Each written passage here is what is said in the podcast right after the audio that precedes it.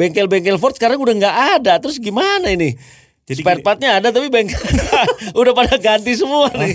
Gimana mas? Secara brand kan Ford udah nggak ada di Indonesia, tapi after sales masih ada di tangannya anda. Nah ini, nah pemilik mobil Ford ini masih butuh spare part nggak nih?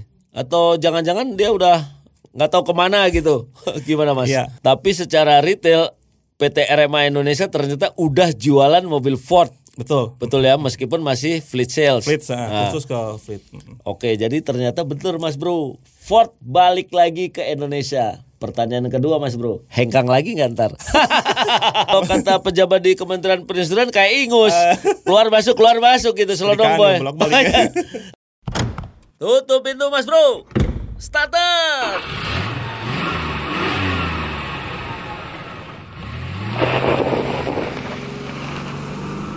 Assalamualaikum warahmatullahi wabarakatuh. Apa kabar teman-teman semua? Selamat datang di podcast otomotif Bang Koboy. Dan kali ini saya punya konten, punya isu yang sangat bagus sekali. Dengar-dengar Ford mau balik lagi ke Indonesia. Ah, mantap kan? Udah pada nungguin Ford Puma nggak? Atau Ford Bronco? Nah, di depan saya sudah ada Mas Yanto Mardianto, Senior Marketing Manager PT RMA Indonesia. Apa kabar, bosku? Baik, Bang Koboy, apa kabar? Sudah lama Bang kita Koboy sehat nih kayaknya nih. Alhamdulillah, harus sehat terus. Ah, harus sehat terus ya. Oke teman-teman, ini bintang tamu saya kali ini adalah Mas Yanto Mardianto, beliau dari PT RMA Indonesia. ya, betul. Setahu saya PT RMA Indonesia itu adalah perusahaan yang ngurusin after salesnya Ford, betul nggak Mas? Betul, Mas eh, Bang Koboy. Mas Bang Koboy jadi. Nggak apa-apa. Bang. Koboy ya, betul betul sekali. Jadi eh, November 2016 kebetulan kita dipercaya oleh Ford untuk eh, apa melakukan eh, service after sales service Ya. untuk para pemilik Ford pada saat itu. Ya, jadi ya, ya, nggak ya. cuma after sales aja sih yang kita urus. Apa Jadi, tuh? Pertama adalah eh, distribusi spare part genuine spare partnya. Distribusi spare part. Terus yang kedua after sales service sudah pasti. Iya. gitu kan. Terus yang ketiga juga kita ngurusin masalah eh, kayak misalnya emergency road assistant.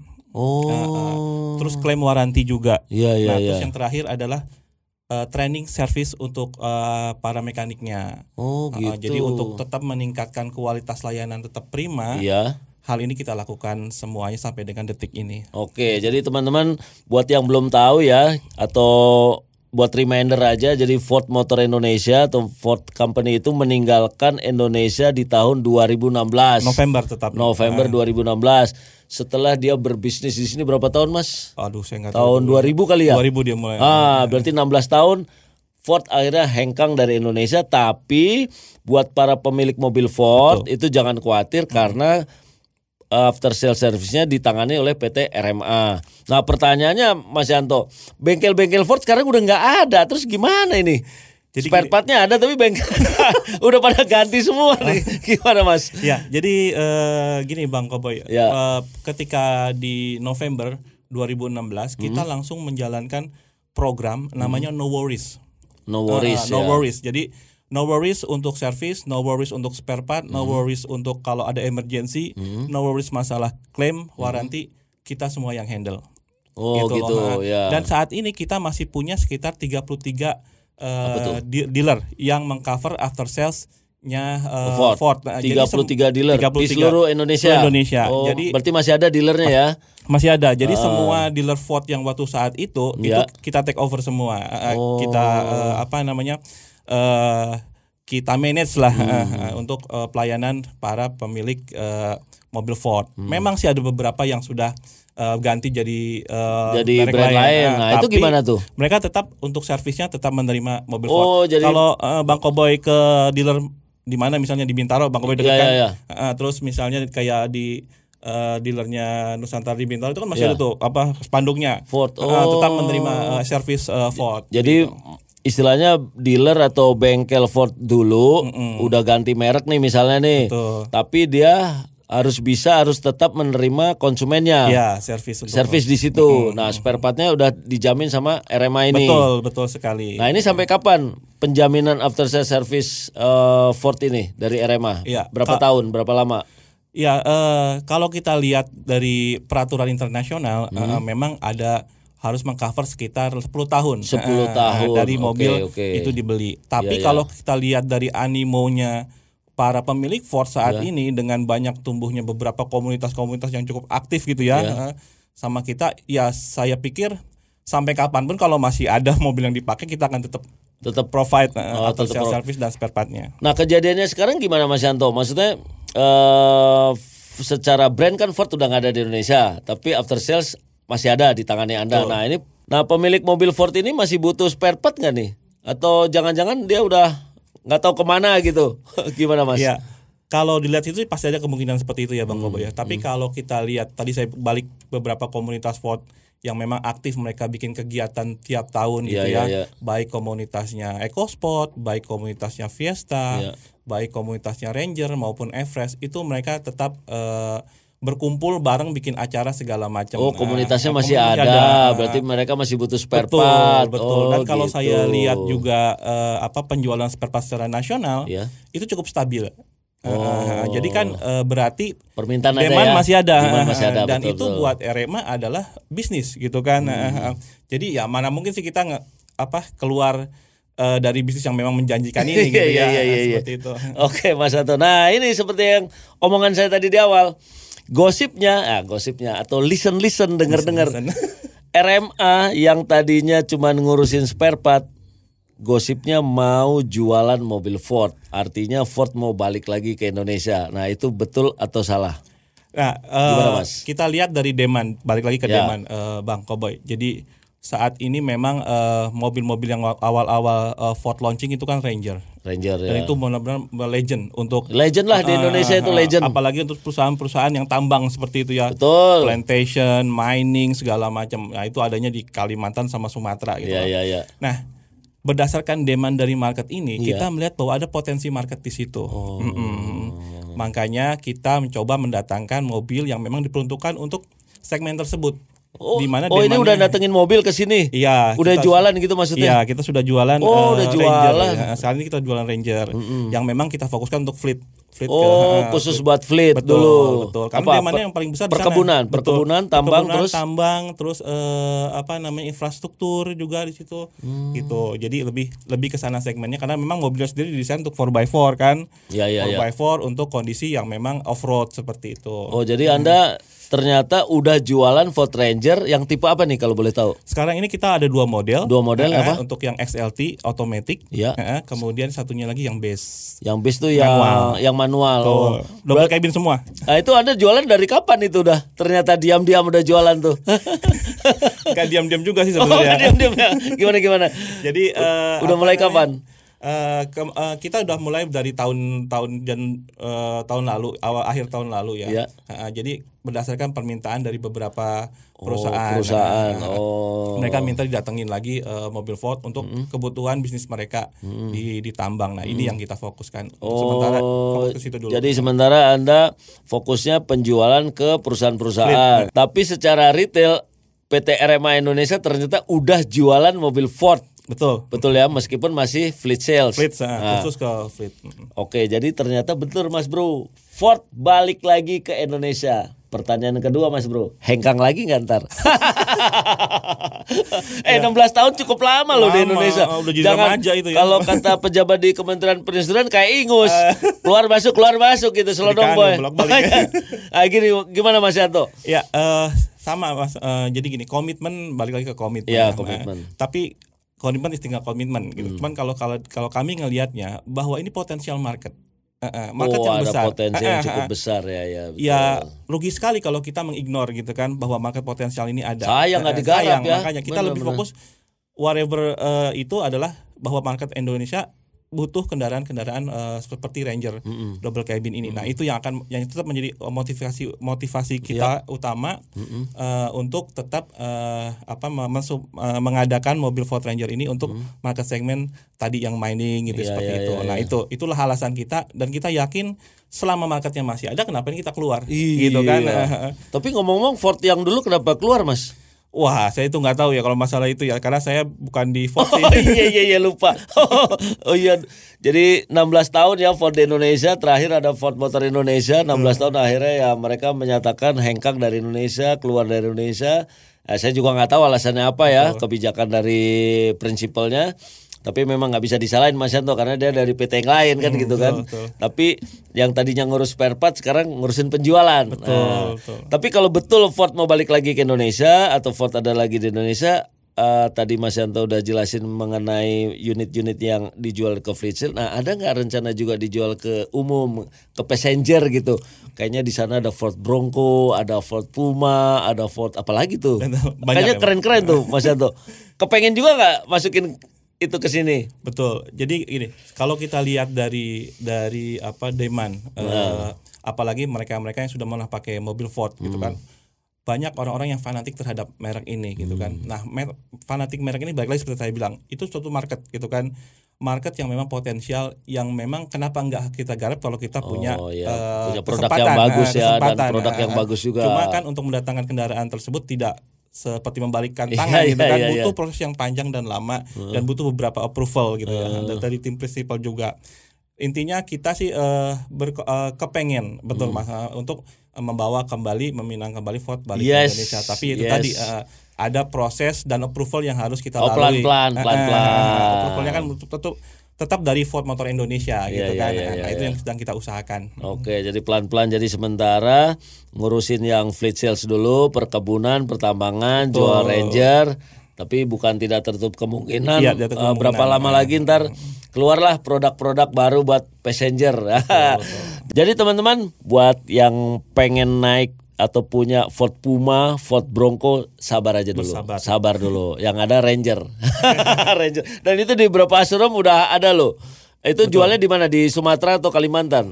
Eh, Mas Yanto. Kebanyakan kita fokus di Sumatera dan Kalimantan. Oh, Sumatera Eh, sama Kalimantan dulu ya? Ada di dealer ada di Aceh, ada di Medan, ada di Jambi, ada di Pekanbaru. Oh, berarti udah punya showroom Anda ya? Iya, eh, eh, ya ada ada beberapa yang ada ada showroom. Iya, istilah showroom sama bengkelnya gitu Betul, udah, eh. berarti udah udah siap sudah, ya. Sudah siap. Ya kenapa ngejar pasar di daerah dulu? Eh, karena memang daerah perkebunannya gitu ya. Ya, karena sesuai dengan spesifikasi kendaraan tersebut, iya, Eh, 4x4 gitu kan, yang memang butuh eh, kendaraan yang tangguh Hmm. untuk menumpang bisnis bisnis mereka di daerah tersebut, yang memang spesifik banyak di daerah tambang. Mungkin bang Obang pernah ke tambang belum? Lihat, Iya, iya. Pernah ya? Iya, kan di medannya begitu bang, medannya Ya, benar-benar memang semua mobil eh, ekstrim, 4x4 ya. betul. eh. dan mereka di sana kan kebanyakan itu 24 jam mobil itu jalan gitu kan, eh, karena mereka ngejar eh, produksi. Iya, betul. Eh, jadi sangat krusial sekali kalau kendaraan tersebut tidak punya apa namanya eh, reliability yang tinggi ya. Eh, jadi kalau mobil itu berhenti satu hari aja bisa dihitung kerugian Iya, mereka. kerugian Eh, bener. eh, Dobri mobil tuh jalan 24 jam. Berarti butuh mobil yang Benar-benar, bener-bener eh, strong, kuat Iya. gitu-gitu ya. reliable itu. Dan itu mas- mereka masih percaya tuh sama Ford Mereka Ranger masih tuh. percaya sama Ford Ranger. Nah, makanya itu mereka kemarin tolong dong Ya. Ford Ranger eh, didatangin karena kita butuh untuk Oh, Ranger yang bisnis versi kita. terbaru nih Iya, istilahnya. ah, betul. Nah, itu datangnya dari mana? Dari Thailand, atau? Thailand, Thailand. Oh, karena basis produksinya di, ya, di Thailand. Oh, masih impor dari Thailand. ah. Wah, luar biasa. Nah, kebetulan juga RMA Indonesia secara grup ya, RMA ya kebetulan kita ada di beberapa negara-negara ASEAN seperti di Laos gitu kan, di eh, Vietnam. Iya. Kebetulan kita juga dealer RMA Group dealer eh, Ford di sana. Oh, jadi RMA Grup Internasional itu Iya. ternyata di beberapa negara menjadi ASEAN, dealer iya, Ford betul. di Laos, Vietnam, terus Iya. mana lagi? Eh, ada di Thailand juga. Di Thailand juga. Ah, ini nanti sebelah kakinya ternyata udah masuk Indonesia ya. Seperti itu kayaknya. Tinggal diproklamirkan dulu nih. ya, tadi itu butuh proses ya tadi yang bilang. Nah, tapi setahu saya RMA Indonesia kan belum menegaskan eh, bahwa gue APM-nya Ford gitu kayaknya belum ya? belum, belum, belum. Oh belum ya, Eh, tapi belum. jualan dulu udah. Belum. eh, jualan. jualan udah, PT-nya belum. Yang penting customer yang butuh kendaraan sudah terpenuhi itu apa namanya kebutuhannya. Kebutuhan, oh jadi salesnya udah dapat, kemudian after salesnya sudah ada semua Betul. beres, nah, baru nanti gampang lah kalau jualan. Yang penting itu tadi komitmen kita seperti after sale service gitu kan. Ketersediaan spare part sudah kita buktikan kan dalam empat tahun belakangan ini dari tahun 2016 sampai eh, 2020 ini bahwa tersedia gitu kan. Eh, dan dan ini juga mendongkrak after eh, eh, harga jual mobil bekasnya. Oh, iya. kalau misalnya Bang Koboy ingat dulu tahun 2016 pada saat eh, Ford bikin decision untuk untuk untuk hengkang dari Indonesia Iya, itu iya. memang sempat kan harga Drop. mobilnya drop, Drop. Eh, eh, mobil baru-barunya diskon habis. Betul. Tapi setelah setahun kita ada, kita mulai eh, supply spare part, Ya, service segala macam itu harganya udah kembali normal kembali. Oh, berarti pelan-pelan harga bekasnya udah naik lagi. Betul. Nah, cuman gini Mas Yanto, ini kan soal kepercayaan ya, kepercayaan konsumen gitu kan. Ford dulu dipercaya sama konsumen Indonesia selama 16 tahun lah kira-kira. Kemudian pamit lah dari Indonesia, pergi dari Indonesia. Nah, sekarang tiba-tiba melalui tangan RMA mulai masuk lagi tuh. Nah, itu kan pasti ada pertanyaan ntar ini serius gak sih nih Ford balik lagi ke Indonesia? Nah gitu pertanyaan itu pasti Mas Yanto, ini serius balik lagi ke Indonesia? Ini ntar dia minggat lagi apa enggak? Nah itu gimana menjawab keraguan konsumen seperti itu Mas Yanto? Sebetulnya RMA itu sudah ada di Indonesia dari tahun 2008. Mm, Dan pada saat itu memang kita bekerja sama dengan FMI. Jadi kita melakukan modifikasi untuk spesifikasi khusus seperti tambang dan plantation. Oh gitu. jadi kita sudah dari tahun 2004 2008. Nah, Kerjasama itu. betul. RMA Group sendiri kita sudah ada sekitar dari tahun 80-an yang memang basis kita di Bangkok Thailand gitu ya. Nah, dengan dukungan jaringan eh, spesialisasi terhadap dan memang eh, kita itu spesialis- eh, spesialisasinya adalah untuk di Ford. Eh, Oh, makanya gitu. kita Ya, ya, ada ya. itu namanya QVM. Mobil Ford yang dimodifikasi eh, eh, oleh RMA itu warrantinya tidak fail. Hmm, Ya, kan contohnya contohnya dimodifikasinya kayak apa itu contohnya? Kayak misalnya kita kan RMA Group itu memang modifikasi untuk mobil-mobil. Kalau misalnya Bang Koboy pernah lihat ada mobil UN gitu kan, Ford Ranger. Oh, putih iya, atau iya, iya. UN. Nah itu sebagian diprodu- eh, di, dimodifikasi oleh RMA. RMA, Nah itu oh. warantinya tidak fail, tetap tetap jalan. Oh iya karena bekerja sama Ya, ya. karena kita ada ada Oke, approval oke. khusus dari Ford untuk hal tersebut. Oke. Eh, eh. Nah kalau boleh tahu Mas Yanto tadi kan cerita udah jualan Ford Ranger eh, yang basic sama yang mahal XLT dan XLT. base. Itu kalau boleh tahu berapa harganya?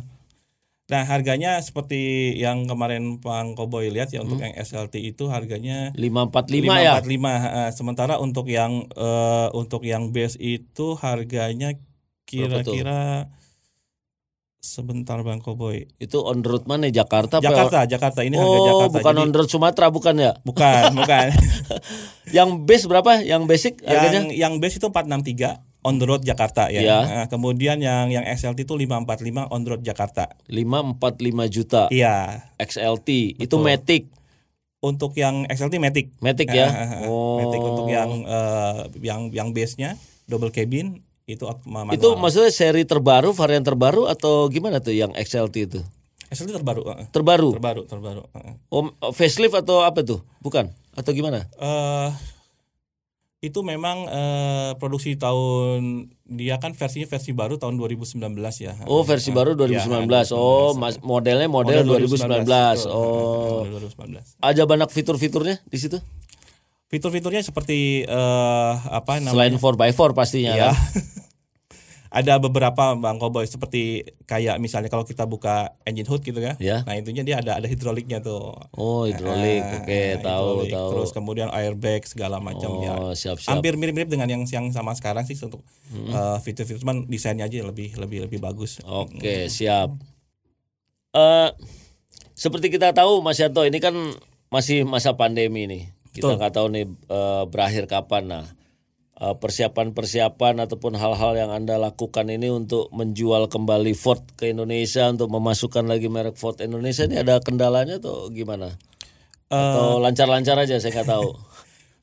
Tantangan sih pasti ada bang, apalagi Ya. kondisi kayak sekarang ini ya. Ah, Kebetulan kita kan sekarang ini eh, eh, mencoba untuk menjual kembali eh, Ranger, eh, baik yang XLT maupun yang yang base. Nah eh, tantangan itu tetap ada. Eh, tapi saat ini dengan adanya era digital, Ya. eh, eh, customer itu mempunyai banyak referensi Ya, ya, mengenai ya. suatu produk, Ya, betul. Eh, terutama banyak yang bikin testimonial kayak Bang Koboy gini kan. Bikin review review. Iya, jadi Ah, eh, eh, bikin review dan review itu sangat berguna, Bang. Eh, eh, buat Oh. buat eh, customer, buat para pelanggan yang ingin me- eh, membeli suatu produk. Jadi mereka benar-benar dapat informasi solid mengenai produk tersebut Hmm, dari mereka-mereka yang benar pemakai, gitu kan. Eh, eh. Oh. Jadi eh, kalau dulu kan zamannya orang sales tuh yang jelasin produk seperti apa, unique selling pointnya seperti apa. Sekarang customer udah bisa nyari informasi sendiri. Betul, Iya, apalagi iya, iya. kayak kayak di kita ada beberapa orang tambang gitu kan, Hmm. bikin bikin postingan. Eh, juga ada be- beberapa penggemar dan juga ada beberapa eh, yang bikin vlog vlogger di sana. Mereka mereview produk tersebut gitu kan. Nah Hmm. dari situ eh, itulah tantangannya kita, gimana kita me- memberikan produk yang terbaik yang kita uh, apa namanya yang kita sediakan untuk untuk customer. Sehingga dari situ mereka bisa me, me, apa namanya memberikan feedback yang positif mengenai produk tersebut. Oke. dan itu nah uh, kalau kita bahasa kerennya tuh word of mouth, mouth marketing gitu Dari ya mulut ke Uh, mulut. ke mulut dan itu biasanya lebih lebih lebih dipercaya Artinya pemakai Ford meskipun Fordnya secara fisik PT-nya itu udah minggat dari Indonesia, pemakainya ternyata masih ada. masih ada Komunitasnya masih ada. masih dan fanatik banyak yang fanatik Khusus terutama yang Ford Ranger yang di Kalimantan, Sumatera itu masih dipakai sama betul. perusahaan-perusahaan masih banyak dipakai. sekali banyak sekali bang Eh, Oh, akhirnya mereka minta gitu. Ah, ah, ah. Nah, waktu didatengin Ford Ranger yang baru apa tanggapan mereka nih? ya kebanyakan mereka excited ya eh, excited dengan dengan eh, Ford eh, Ranger yang yang yang yang kita Hmm. tawarkan ke mereka nah itu tadi balik eh, dari segi pelayanan kita yang memang harus prima contoh kalau misalnya after sales service kita terus spare part yang kita juga tidak tersedia. Nah, mereka kan pasti iya. bicara gitu kan Iya, dan itu langsung lah. efeknya langsung eh, langsung langsung langsung terhadap kita tuh langsung gitu loh. Signifikan sekali efeknya. Nah itulah tantangan yang terbesar buat kita gimana kita memakti- memastikan make sure gitu lah bahwa layanan-layanan tersebut tersedia ada dan direspon sangat cep- dengan cepat Oh, jadi dari siapin dealer. dulu siapin dulu Betul. dealernya, siapin dulu spare partnya baru masukin mobilnya gitu. betul betul sekali Oke Bang. oke.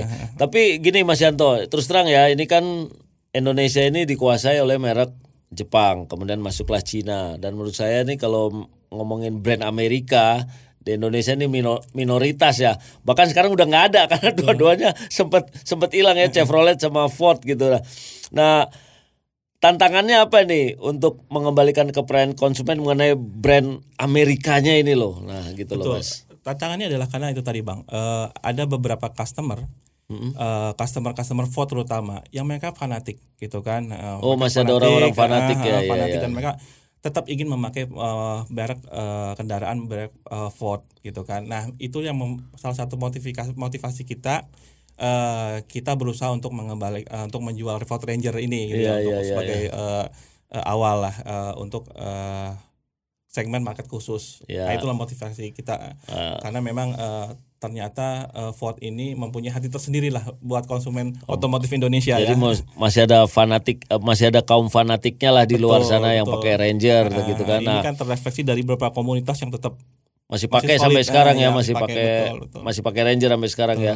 Tapi kan kemungkinan besarnya untuk yang mobil penumpang pasti adalah Mas ya. Nah, seperti yang tadi saya bilang Ya, di awal. konsumen udah nunggu pasti kalau kalau udah begini udah bocor beritanya nih. Ini buat- kayak investigasi nih. Nah kalau udah bocor kayak gini Mas Yanto, ini pasti konsumen nanya-nanya nih. Mhm, Oke, karena gue bukan orang kebon, bukan orang tambang kan, gue nggak butuh Ford Ranger. Mhm. Gue butuhnya yang mobil penumpang. Apalagi Ford Bronco yang baru launching di Amerika. Mhm, betul. Pasti orang nanya tuh, kapan masuk? Ah itu, kapan mas masuknya? Tunggu tanggal mainnya. ATPM banget sih. Tunggu tanggal mainnya udah main terus ini. Tapi pasti masuk sini dong mas. Iya. Pasti masuk nggak? Ah. itu tadi eh, apa balik lagi ke bolak-balik saya ngomong bahwa, bahwa memang demandnya ada. gitu Demandnya kan. ada. Demandnya Oke, ada. oke. Kalau demandnya nggak ada, ngapain gitu Iya, kan? iya, Tapi iya, karena iya. demandnya ada, eh, kita memang berusaha untuk untuk mewujudkan eh, apa namanya demand dari market tersebut. Oke. Nah itu nah, eh, kita berusaha. Nah sekarang ini untuk stage awal kita memang eh, eh, sudah melaunching eh, Ford Ranger untuk segmen eh, tertentu fleet, ya, oh, fleet. Baru Nah, nanti ke dulu, end user lah kira-kira gitu. Ya mungkin nanti. Ya, ya mungkin nanti atau mungkin anda juga punya pertimbangan bisnis sendiri, udah main di fleet aja gitu. Bisa jadi seperti itu. Bisa jadi seperti itu Betul. nanti yang passenger kasih orang lah gitu kan. Takutnya ntar minggat lagi.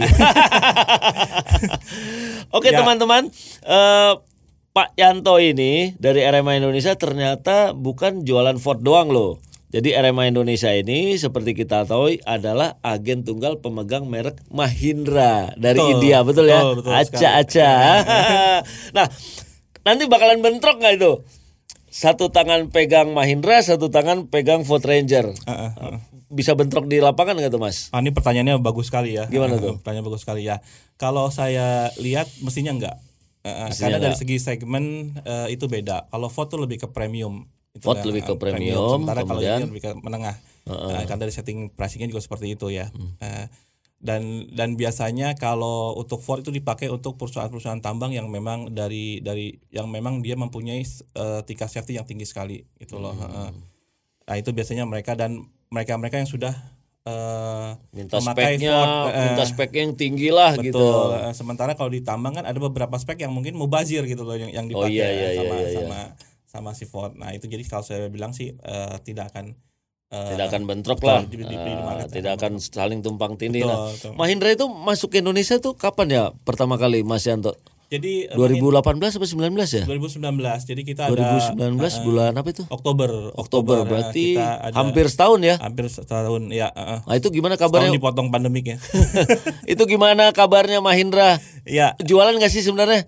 Ah, ma- Gak pernah lihat di jalanan soalnya. betul betul Bang Koboy. Eh, kalau memang dili- belum dilihat di jalanan Jakarta ya memang market segmennya bukan di sini ya. Oh, bukan di- kotaan. Tapi Oh. sama seperti yang tadi di Anak kebun Ranger. dia berarti ya? Anak kebun dia anak bukan, kebun bukan sama anak komplek dia. bukan anak komplek ya. Oh jadi kalau mau lihat Mahindra di kebun Iya, di sama di, tambang. di tambang, Oh. eh, Tapi jualannya bagus? Ada terus? Eh, masuk terus? Responnya cukup cukup baik Iya, iya. karena banyak dari dari mereka yang yang ternyata cukup impresif dengan Hmm. performa dari dari si eh, Mahindra itu Eh, Scorpio gitu kita bilang Hmm. Oh ya namanya Mahindra Scorpio ya. Scorpio, Single betul. cabin Dan sama double cabin. double cabin Double ya. cabin, Ada. AC-nya Mas Bro.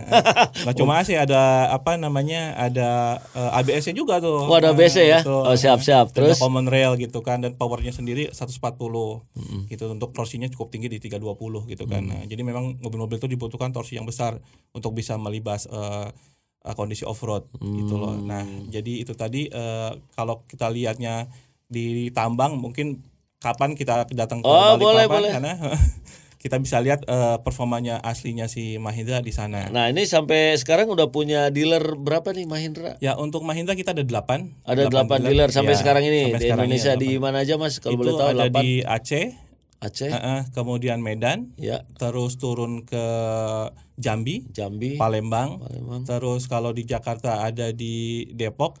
Oh Depok ada Eh, ada Depok. tambang apa ya di Depok ya? Nah, agak unik tuh ceritanya kalau untuk Depok Ah, tuh. kenapa, kenapa? Nah, jadi memang eh, kalau Depok daerah-daerah eh, Depok terus ke Bogor ke sana itu kan banyak industri. Oh Eh, pasir ya? Iya, ada pasir, ada batu, Iya, iya, ada iya. industri juga eh industri industri banyak kan daerah-daerah industri itu daerah sana. iya, iya, iya. Nah, ternyata demandnya ada di situ. Depok, Citayam, Betul. Terus ke sana Bogor, Cibinong. Cibinong. Oh iya. Betul, Habis itu Depok terus dua kota lagi mana? Eh, di Ya. apa namanya di Balikpapan sama Samarinda. Oh Balikpapan sama udah udah pasti itu ya. Iya, iya, Oke oke. Jadi eh, sampai sekarang udah 8 dealer dan mau nambah lagi Rencananya iya. rencananya Eh, gitu ya. Rencananya. iya. Oke. Nah, Mahindra setahu saya juga sama sama Ford Ranger tadi kan. Hmm. Mahindra setahu saya juga punya mobil penumpang kan. Nah, Betul, betul. Ngomong-ngomong, gue udah pernah ke pabriknya Mas Bro Woi. di India yang ngajak Pak Yanto nih. itu pabriknya luar biasa gedenya minta ampun. Kapan itu, Bang? Itu tahun berapa ya? Gue lupa. Awal 2020 eh kok awal 2020 akhir Akhir, akhir November. 2019 November ya, ya jadi teman-teman untuk menunjukkan bahwa Mahindra serius di Indonesia dia mengajak beberapa media termasuk saya untuk melihat langsung fasilitas pabrik di eh, India. Yang pertama di kota Mumbai kemudian yang kedua saya dibawa ke kota Chennai itu adalah pusat R&D-nya dan itu menurut saya sangat luar biasa Ini bukan muji-muji Mahindra bukan ya. Jadi Mahindra itu setahu saya memang basisnya itu produsen traktor. Dan waktu saya ke sana mereka lagi ngembangin traktor bermesin listrik, Mas Bro. Di kita mobil penumpang aja belum jalan-jalan ini SK-nya.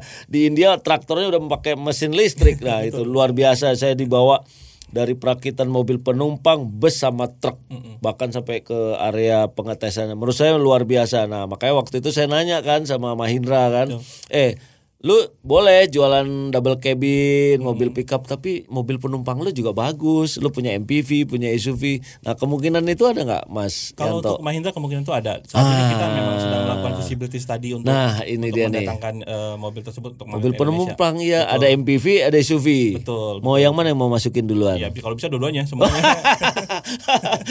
tapi yang SUV bagus itu loh betul, betul, bagus. Apa? Marazo. Marazo Marazo. kalau yang MPV apa namanya MPV Alturas. oh gitu ya oh Eh, sorry, yang yang yang SUV itu Alturas, yang MPV-nya Ma- Marazo. Oh iya iya iya ya, kebalik ya. Tapi itu kayaknya kapan itu masukin SUV-nya Mahindra ke sini. Wah, har- harus tanggal mainnya. Tunggu tanggal mainnya terus.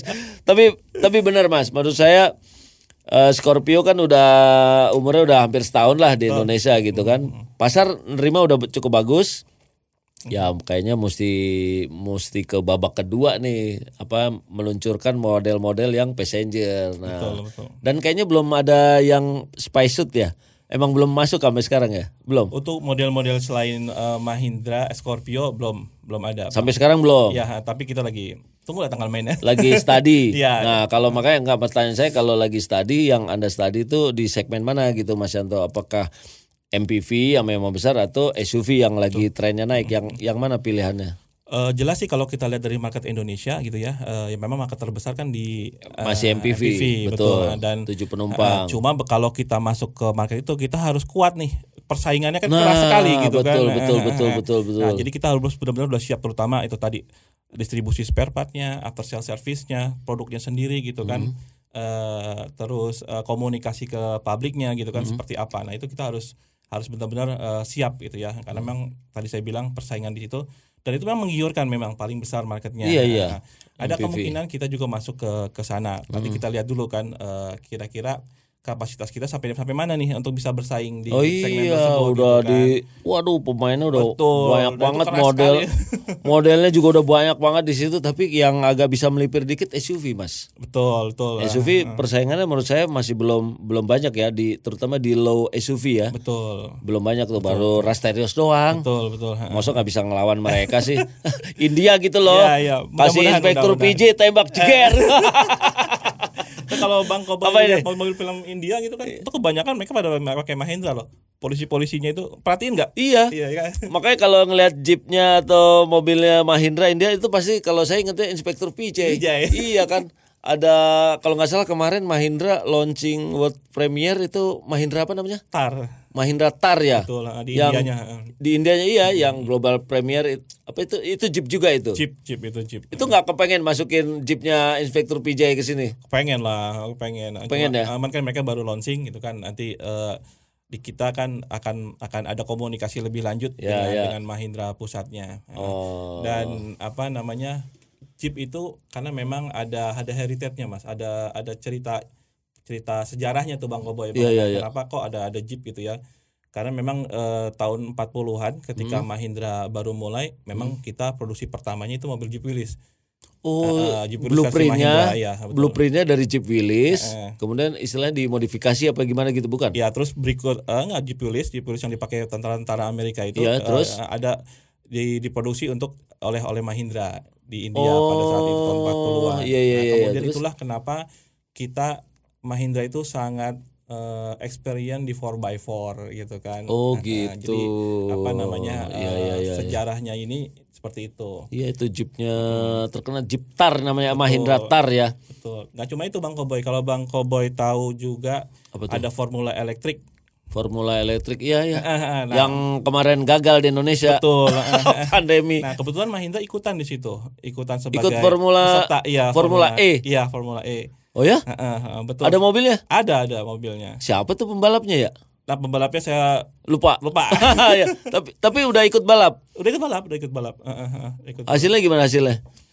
Eh, saat ini kan masih eh, baru mulai lagi tuh. Ya, Bang. baru mulai lagi setelah pandemi, ya, ya, baru, tahu. Baru tahun ini memang baru baru Oh, Mahindra punya Formula E ya? Betul. Nah, jadi situ bisa kelihatan kan bahwa teknologi Mahindra sudah sampai sampai sana. Ya, ya, Mobil ya. balapnya pakai elektrik gitu kan. Nah, jadi Ada cara teknologi memperkenalkan pada dunia bahwa Mahindra juga uh, punya teknologi tinggi loh gitu. Nah tapi kalau di ngomongin Mahindra di India gitu, Mahindra itu nomor berapa ya? Eh, Secara skala bisnisnya gitu. Kalau secara grup Mahindra Hmm. itu eh, eh, size of bisnisnya itu sekitar 19,1 kalau nggak salah ya. 19,1 apaan? Eh, miliar US dollar. Miliar US dollar. jadi Oh, secara grup ya? Secara grup betul. Oke, Karena grupnya oke. macam-macam kan Mahindra ada traktor tadi Bang Koboy Iya, bilang. traktor. Ada infrastruktur juga, Hmm. ada konstruksi gitu kan. Eh, macam-macam lah dia Hmm. eh, di sana. Jadi cukup besar lah kalau di Indianya. Tapi terus terang saya kurang ini ya, kurang melihat gerakan-gerakan yang masif gitu dari Mahindra di Indonesia gitu. Apa karena jualannya di kebon, di tambang jadi nggak kelihatan. Tapi sebenarnya gimana tuh proses penjualannya segala macam tuh, Mas Yanto? Eh, bener bang, kalau seperti tadi Bang Koboy bilang bahwa Mahindra ini anak kebon ya, bukan anak komplek. Iya iya, nggak kelihatan di jalan. Nanti jangan mainnya di kebon ya. Iya iya iya. Tutup pintu Mas Bro. Starter.